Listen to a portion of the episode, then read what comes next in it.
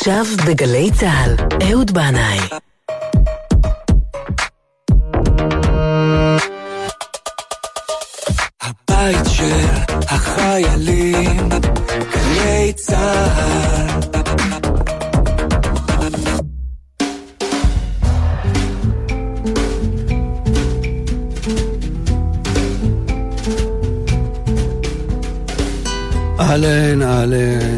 שלום עליכם, ברוכים הבאים אל זה המקום, אל זו השעה.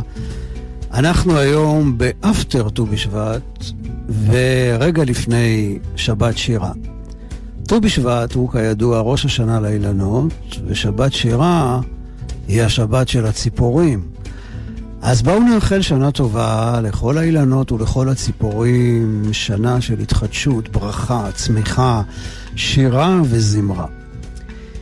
במרכז גבעתיים, לא רחוק מהכיכר איפה שעמד פעם קולנוע נוגה שכבר לא קיים, בקצה של סמטה צדדית שיוצאת מרחוב כצנלסון, מסתתר לו גן ציבורי שנקרא גן הזיכרון. ואני ביליתי שם שעות רבות בימי נעוריי, ולמען האמת, לא את הכל אני זוכר. התגלגלתי שם בגלגול אחר. אבל יש מצב שגן הזיכרון, כשמו כן הוא. הגן בעצמו זוכר. זקן חכם סיפר לי השבוע שהעצים זוכרים. וכל שנה, בט"ו בשבט, הזיכרון שלהם מתחדש ומתעורר. והבן אדם יכול ללמוד מהעץ. אם הוא רוצה לזכור, הוא צריך לצמוח. ואם הוא רוצה לצמוח, הוא צריך לזכור. ומאיפה לדעתכם השורשים מגיעים? מהאדמה או מהשמיים? לכאורה זה נראה כאילו השורש בא מהאדמה, נכון? אבל האמת היא, שתדעו לכם, שהוא מגיע למעלה מהשמיים. כל דבר מתחיל במחשבה ונגמר במעשה. כמו ציפור קטנה זו שמישהו שלח אל האדמה. מריאן פיית'פול.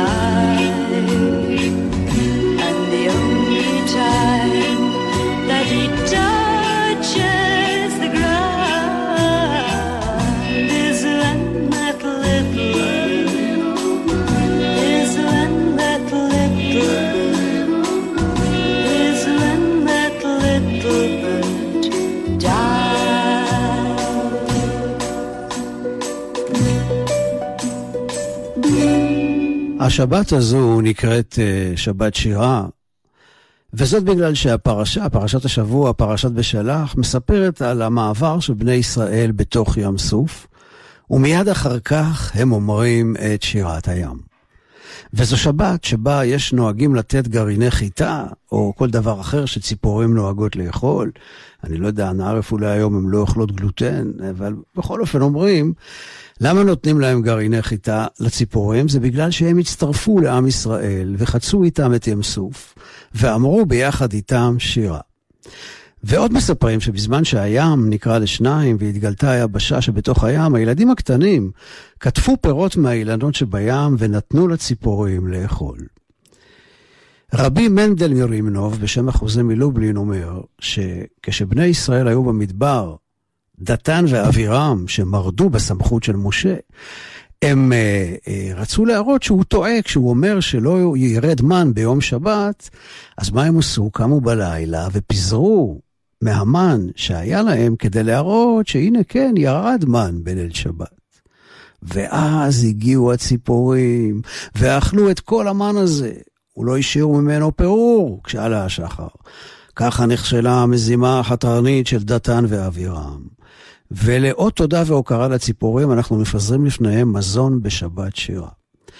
רבי פנחס מקוריץ אומר שבכל העולם כולו, על שפע הברואים שבו, יש רק שני מינים ששרים, והם הציפורים ובני האדם. הציפורים עפות ומצייצות ושעות באוויר, וגם כל הזמר של האדם בא מהאוויר, מקנה הנשימה שלו, ויש גם הרבה כלי נגינה שמנגנים מכוח האוויר. ולכן, בשבת שירה נוהגים לתת לציפורים חיטים ושעורים, כדי להודות להן על ההשראה שהן נותנות לנו, לשירת האדם ולמוזיקה.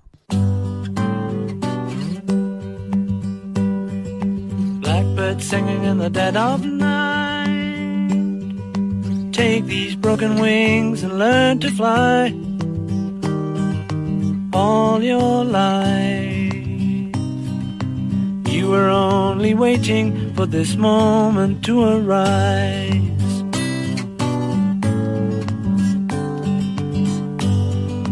Blackbird singing in the dead of night. Take these sunken eyes and learn to see all your life. You were only waiting for this moment to be free. Blackbird fly. Blackbird fly into the light of a dark black night.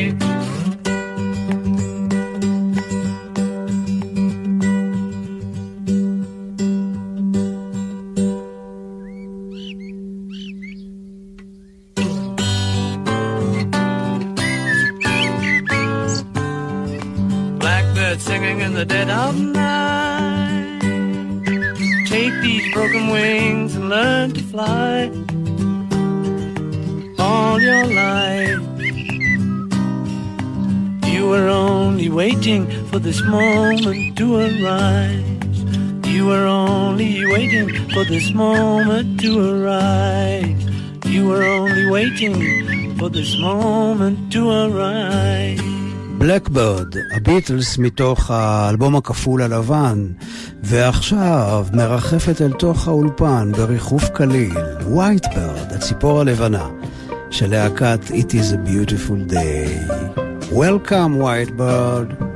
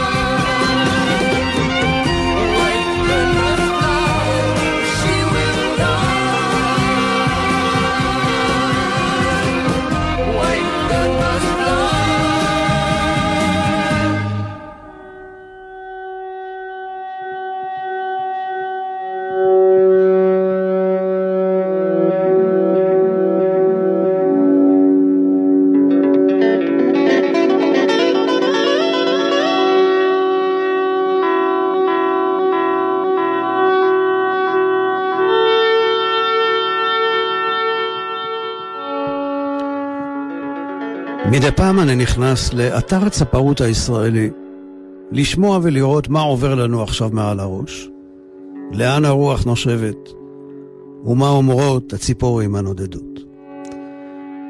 והנה ההלקט שליקטתי משם.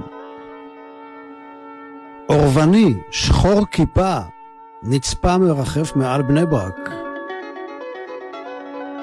מעל בת ים נראו סבכי שחור ראש וצוצלת. צוצלת. בחוף מכמורת ובאזור מעגן מיכאל, שלדג לבן חזה, דוחל שחור גרון, ביצנית או ביצנית לבנת כנף, בז מצוי וחוחית. בחבל לכיש נצפו צופית בוהקת, פשוש, בולבול ממושקף. כן, כן, בחיי, יש כזאת ציפור. בולבול ממושקף. דרור הבית, תורץ עברון, דררה, דוכיפת ועורבני, שחור כיפה שהגיע בטעות מביתר עילית. ועוד נצפו ברחבי הארץ, ממש השבוע הזה, אמצע שבט של ה' ינואר, דיה שחורה, נחליאלי לבן, גיפטון עפרוני, זרזיר מצוי, שחף אגמים, שחרור, שחפית שחורת מקור, בז מצוי, שחף ארמני, שחף צר מקור, שחף בלטי וקורמורן. קורמורן גדול גדול.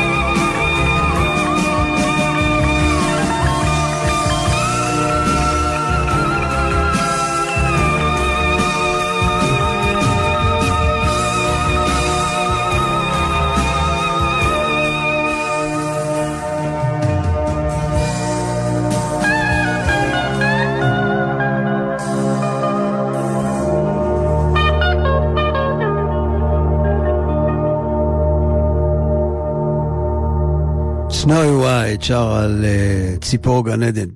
והנה עוד משהו נחמד שמצאתי באתר הצפרות הישראלי. אסף סלע מספר על מאורע נדיר בארץ ישראל שהתרחש בחודש שעבר, במקביל לדרמות שהתרחשו באמריקה.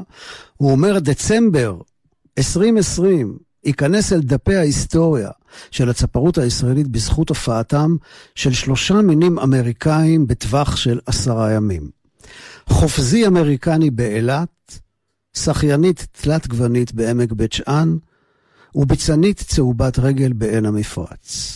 אסף אומר, לא פלא שאנחנו מוקסמים כל כך מהמזדמנים הנדירים מאמריקה. הם עשו דרך ארוכה, אולי טעו בניווט. נסחפו עם רוחות חזקות, אבודים מעל האוקיינוס האטלנטי. מפגש עם מזדמנים מאמריקה הוא חלק בלתי נפרד מסצנת הצפרות במערב אירופה ובאים הבריטים, וכשזה קורה אצלנו, ההתרגשות בשמיים. כך אומר אסף סלע באתר הצפרות, ואני שואל את עצמי, מה חושב לעצמו החופזי האמריקאי שהוא עף באופן חפוז מעל אילת כשלראשו מגבעת בוקרים? האם גם אצלו ההתרגשות בשמיים, או שהוא בכלל לא מבין איך לעזאזל הוא הגיע לכאן? האם הוא חושב שאילת זו לס וגאס שהתכווצה באורח פלא ושכביש הערבה ימשיך אל תוך טקסס? מי יודע מה עובר בראשו הקטן של החופזי האמריקני שנקלע לישראל בלי דרכון? ואולי בכלל, מה אכפת לציפור? הרי אזרחית העולם הגדול. העץ הוא גבוה,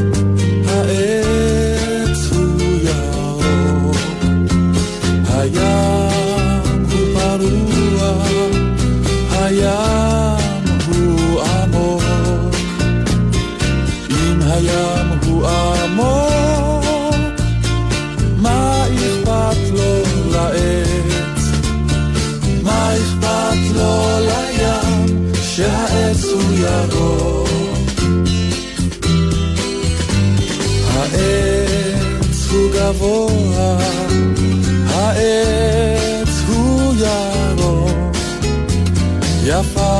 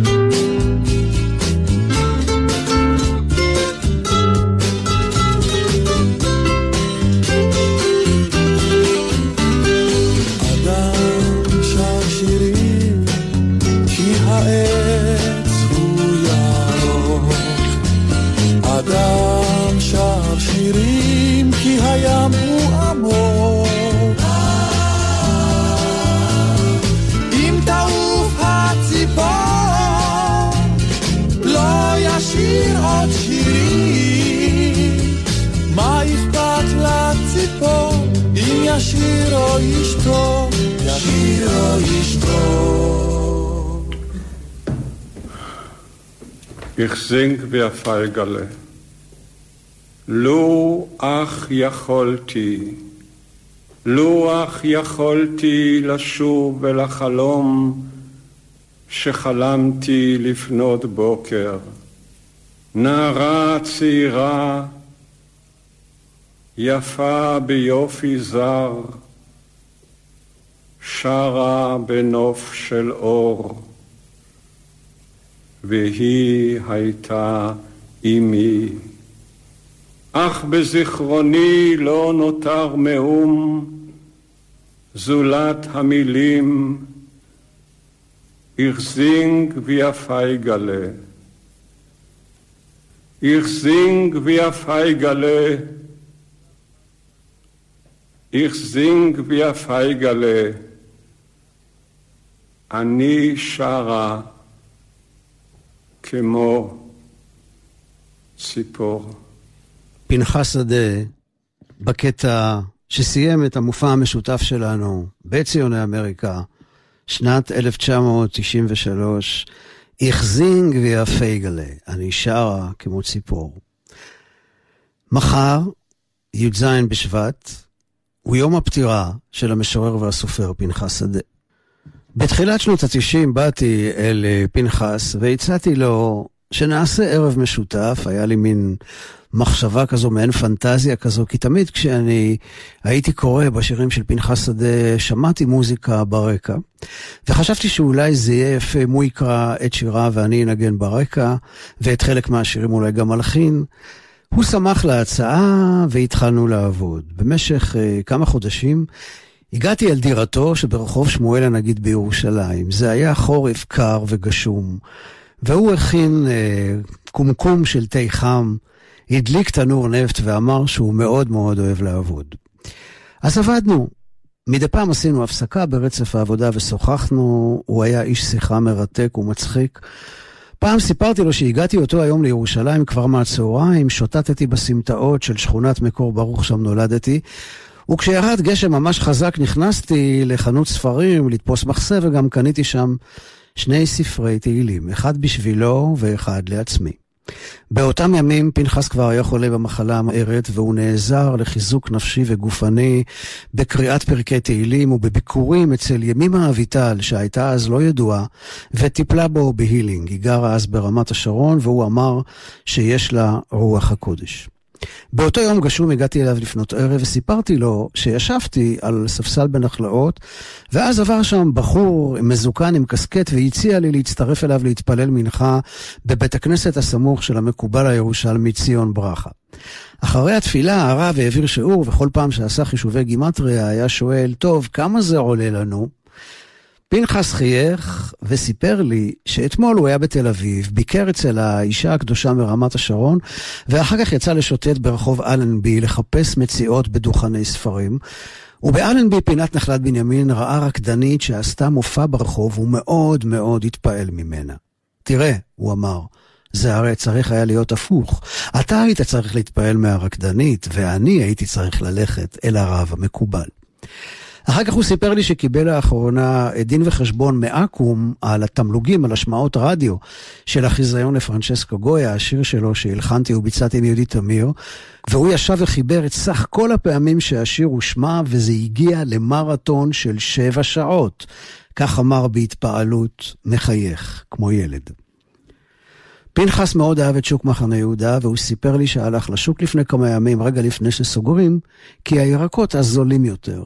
מה לעשות, הוא אמר, אני חסכן, שלא לומר קמצן, כי הייתה לי ילדות קשה וענייה. ואז הוא ראה בשוק, באחד הדוכנים, כרובית יפה, ושאל את המוכר כמה היא עולה. המוכר אמר לו, עכשיו זה בחינם. ופתאום עלו דמעות בעיניו של פנחס, והוא אמר לי, אתה מבין? הייתי משלם לו ברצון, אבל הוא אמר, עכשיו זה בחינם. הליכה בשדות מרמת רחל לצור בכר. האושר הוא ללכת בזוהר השמש השוקעת של סוף הקיץ, כאילו הולך אתה בשדה בעמק יזרעאל, ואתה כבן שש עשרה, וכאילו כל החיים, כל החיים עדיין, האהבות, הכאבים, המתיקות, אי אפשר לתאר את השלווה הזאת, השמיים, הרוח, האדמה החומה, רק אלוהים יודע. ממערב משתפל ויורד חורש ירוק, אורנים וברושים נעים לאט, ואתה הולך לבדך בעולם, בשדה, בשמש השוקעת של סוף הקיץ. איש בסתיו חייו ובוכה.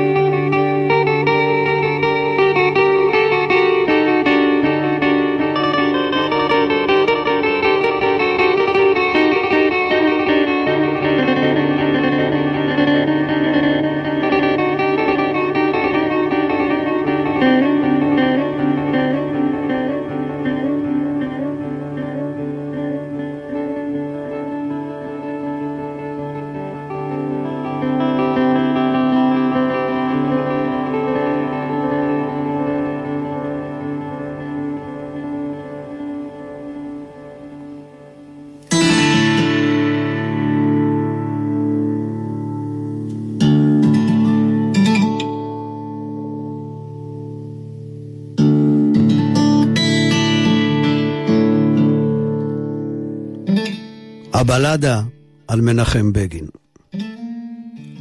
הזמן הוא אחד מארבעת ממדיו של החלל. לעניין זה עוד אשוב. באשר לאליעזר פטיגי לאיש, הוא הפליג לניקרגואה, אף כי הים סוער היה. חייו לא היו קלים, זולת בעניין אחד כמובן. באשר לסערה, הנה גם אתה, בעודי יושב וכותב, נראים בחלון עננים בהירים, אקליפטוסים, הרי יהודה מרחוק כנמוגים. ובכן כן, בבירת ניקרגואה קנה אי אלה דברים נחוצים, מגבת, עציץ עם שיח פלפל, היופי במקרה זה הוא שמשך את ליבו. אחרי כן חזר לחדרו במלון ונרדם. בלילה חלם חלום.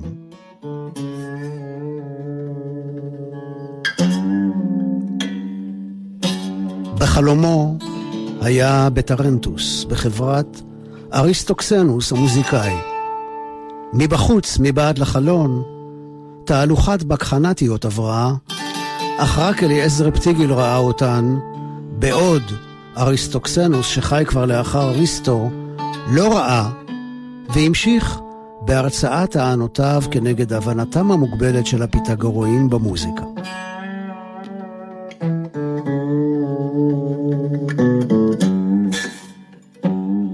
בבוקר קם האיש, רחץ בצוננים ויצא אל הרחוב הראשי ללא שום זיקה אל היהדות. בארץ רחוקה יכול אדם לחוש עצמו כנולד מחדש. ואז, כרגיל באותן ארצות דרום אמריקאיות, תוך כדי הפיכה צבאית נגד משטרו של הנשיא סמוסטה, נורה האיש ברחוב ומת. מכאן והלאה, הרי אי אפשר עוד להמשיך את הסיפור. מטוס ענק החולף ברגע זה מעל הבית, משפיל לרדת לעבר נמל התעופה של לוד. ומוזיקה, מוזיקה של פרגולזי. מכל מקום שאלתי את אשתו, לא אשת דברים הייתה, גילתה טפח, כיסתה טפחיים, חייכה במעורפל כנזכרת. היא הייתה ממוצא וינאי, ביראת שיער. אנשים שונים מחוגי השמאל ומחוגי גוש אמונים, ביניהם יעקב אגמון, שאלוני מדוע איני משמיע קולי בענייני המדינה. לדעתם היה בכך כדי להשפיע על הנוער. החלטתי איפה לכתוב שיר פוליטי, להיות מעורב.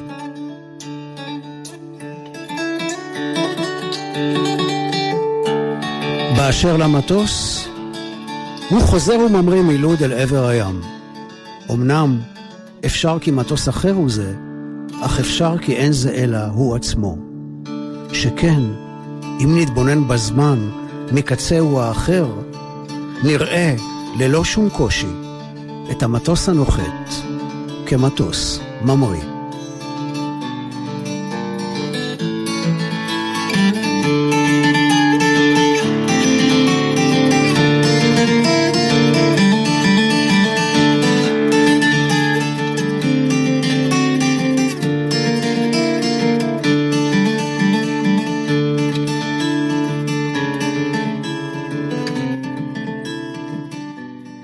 זו הבלדה על מנחם בגין של פנחס שדה,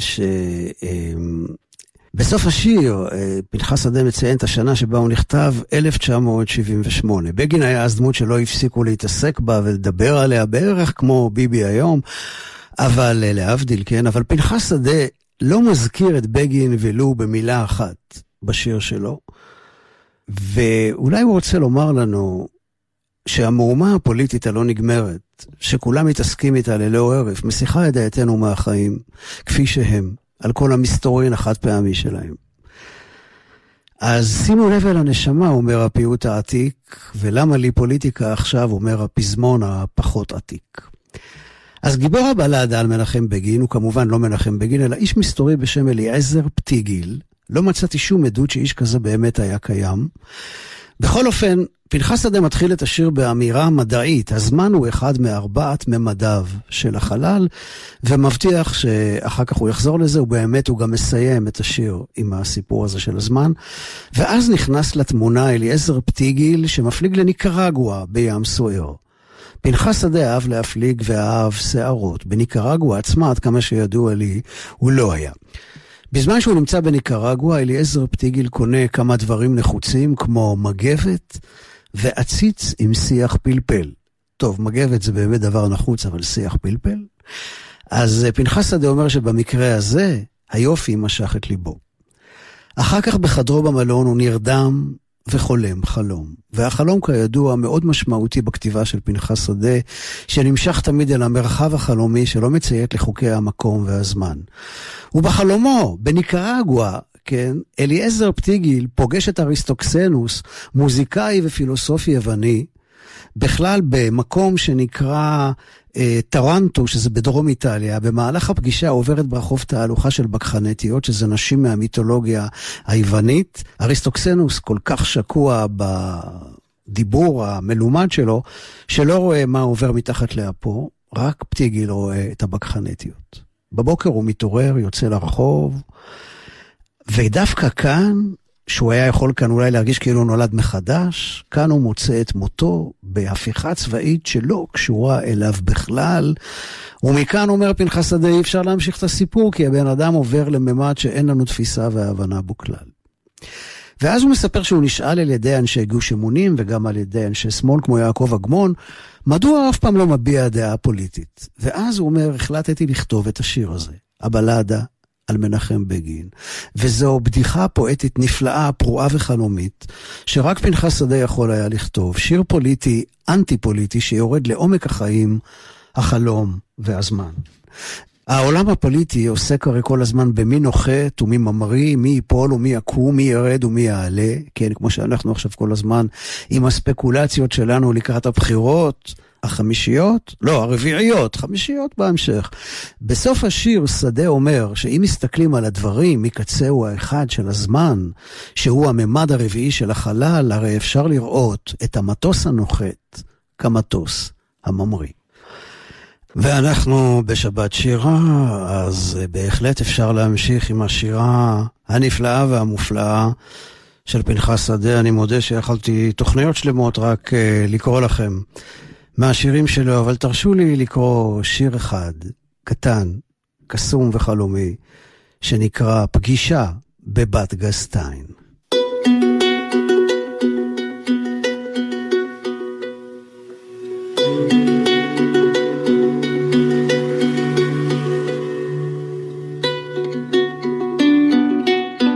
יעקב אשמן, ידיד אשר מת לפני שנים אחדות, נראה אליי לא מכבר בחלום. היה זה בבת גסטיין. הערים היו מחופי שלג. אף דומה כי קרון כבלים חלף לו לאיתו במרחק מה. הערב כחול היה. איזה קסם כחול נסוך היה על הכל. ישבנו בבית קפה קטן, בגן, בין צמחים. שנינו ידענו כי מת, ואני, בתמיהה ידידותית, העירותי על מראהו הטוב. על כך נענה במשיכת כתף, כאומר, ואולי אמר, שאין על מה לתמוע, ואין המצב נורא, כפי שיש סוברים.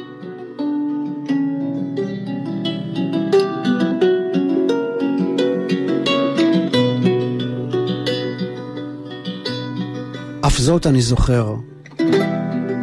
במשך אותה פגישה הבחנתי כי הוא כמו מהבהב.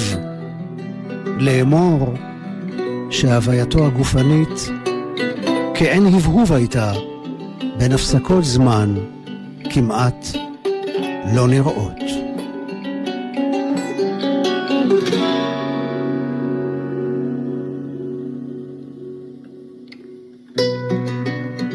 איי איי איי, פנחס שדה. יום השנה למותו, 27 שנים אם אני לא טועה. מחר, י"ז בשבט, והשקדיות ממשיכות לפרוח בשירה הנפלאה שלו, לנצח.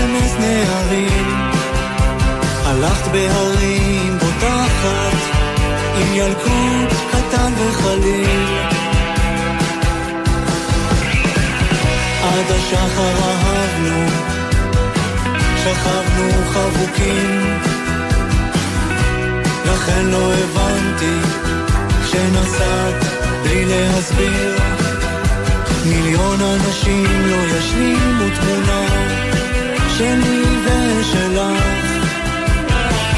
הירח,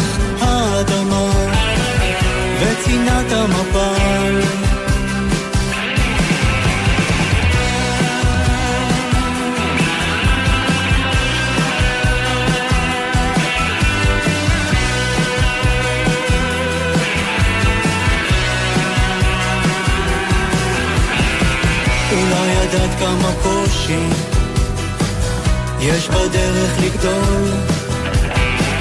כשעובד כל היופי בתוך כישלון. עכשיו ביטחונית, משפחתית עמוסה עם צידנית וקרחון. את מחכה שאביט בך אני בחדשות הספורט מיליון קילומטר לא ישלימו תמונה שלי ושלך. הירח, האדמה וצינת המפל, וצינת המפל, וצינת המפל. כבר הקמנו אוהל, הילדים שכבו לישון, כשאור כוכבים חודר, בחופתו חזרנו לחלום. והשיר הנהדר הזה ששמענו נקרא "כשעובד היופי", והוא של דובי שרר. אה, שיר הנושא מתוך אלבום הביקורים שלו, הוא כתב את המילים והלחן, ההפקה המוזיקלית של יהוא ירון. יש באלבום הזה 13 שירים. דובי שרר מספר שהם נכתבו והולחנו בפרץ יצירה. אה, הזוגיות היא במרכז היצירה הזו. אהבת הנעורים שעבדה בתוך חיי המשפחה העמוסים. אך יש כאן גם תקווה, הוא אומר. זיכרון המפגש הראשוני מתעורר לפתע והאהבה קמה לחיים חדשים. ואנחנו עם עוד אלבום בכורה מקסים אה, של אבשלום, האלבום הזה נקרא כיסופים. אבשלום הוא אומן יוצר וכותב שירים, אה, והמוזיקה שלו, הוא מגדיר אותה כמוזיקה עברית אתנית שיש בה ניחוחות עולמיים מן המזרח ומן המערב. הטקסטים עוסקים בחיבור האדם לנפש רוח וביטוי של רגשות עזים העולים מן המסע.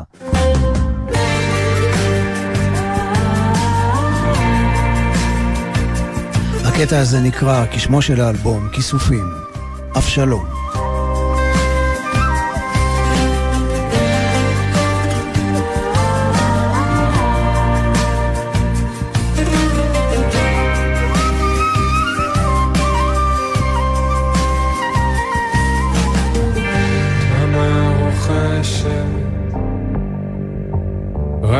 גלי הקול רמים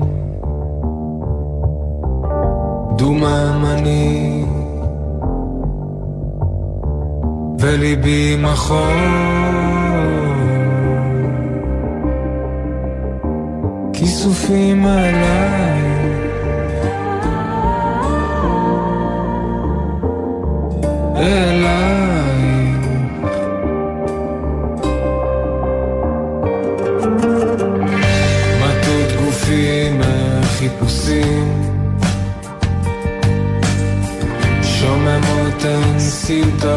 baby.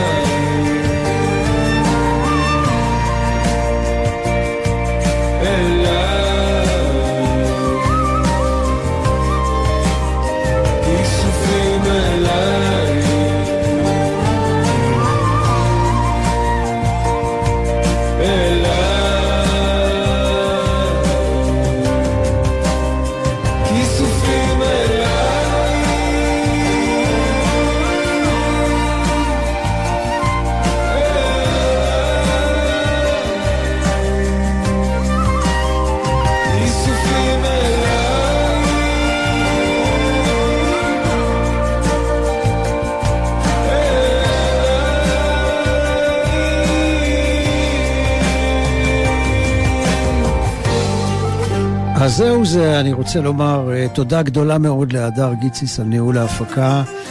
תודה לכם ותודה לכן על ההקשבה. שבת שלום, שבת שירה, שבת של אורה וברכה, לאילנות, לציפורים, לכל בני האדם, לכל העולם. כל טוב וסלמת.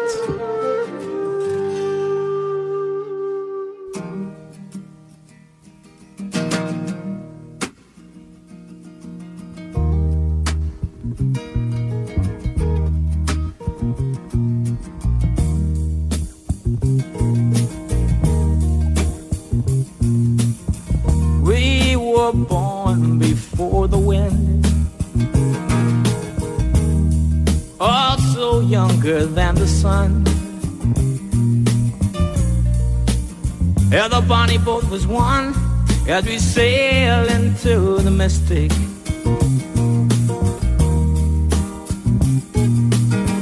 Oh, I can now hear the sailors cry. בחסות קבוצת אביב ולני גרופ, המשווקות את מיזם המגורים רובע משרד החוץ בירושלים, סמוך לשכונת רחביה ונחלאות, לפרטים כוכבית 6224. מה נשמע, נשמע, סוף השבוע, של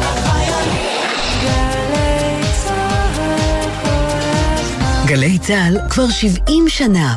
אנחנו לא יודעים מה יהיה בעתיד, אבל אנחנו יכולים להשפיע עליו. אתם מוזמנים ליום פתוח מקוון באוניברסיטת בר אילן, 11 ו-12 בפברואר. רשמתם? 11 ו-12 בפברואר. חפשו בגוגל יום פתוח מקוון. אוניברסיטת בר אילן. משפיעים על המחר, היום. תוכנית ראיונות חדשה, רבית הכט מדברת עם אנשי רוח, סופרים, פוליטיקאים ועוד על הקריירה, החיים האישיים והרגעים שהם יזכרו לעד. והשבוע רן ברץ, לשעבר ראש מערך ההסברה של ראש הממשלה. ההשקפה שלי היא שמרנית בשירות המדינה. אנשים משקרים בלי סוף, כי אין מחיר לשקר. כשאין מחיר לשקר אז הוא מאוד מועיל. רבית הכט מדברת עם מחר, תשע בערב, ובכל זמן שתרצו, באתר וביישומון גלי צה"ל. מיד אחרי החדשות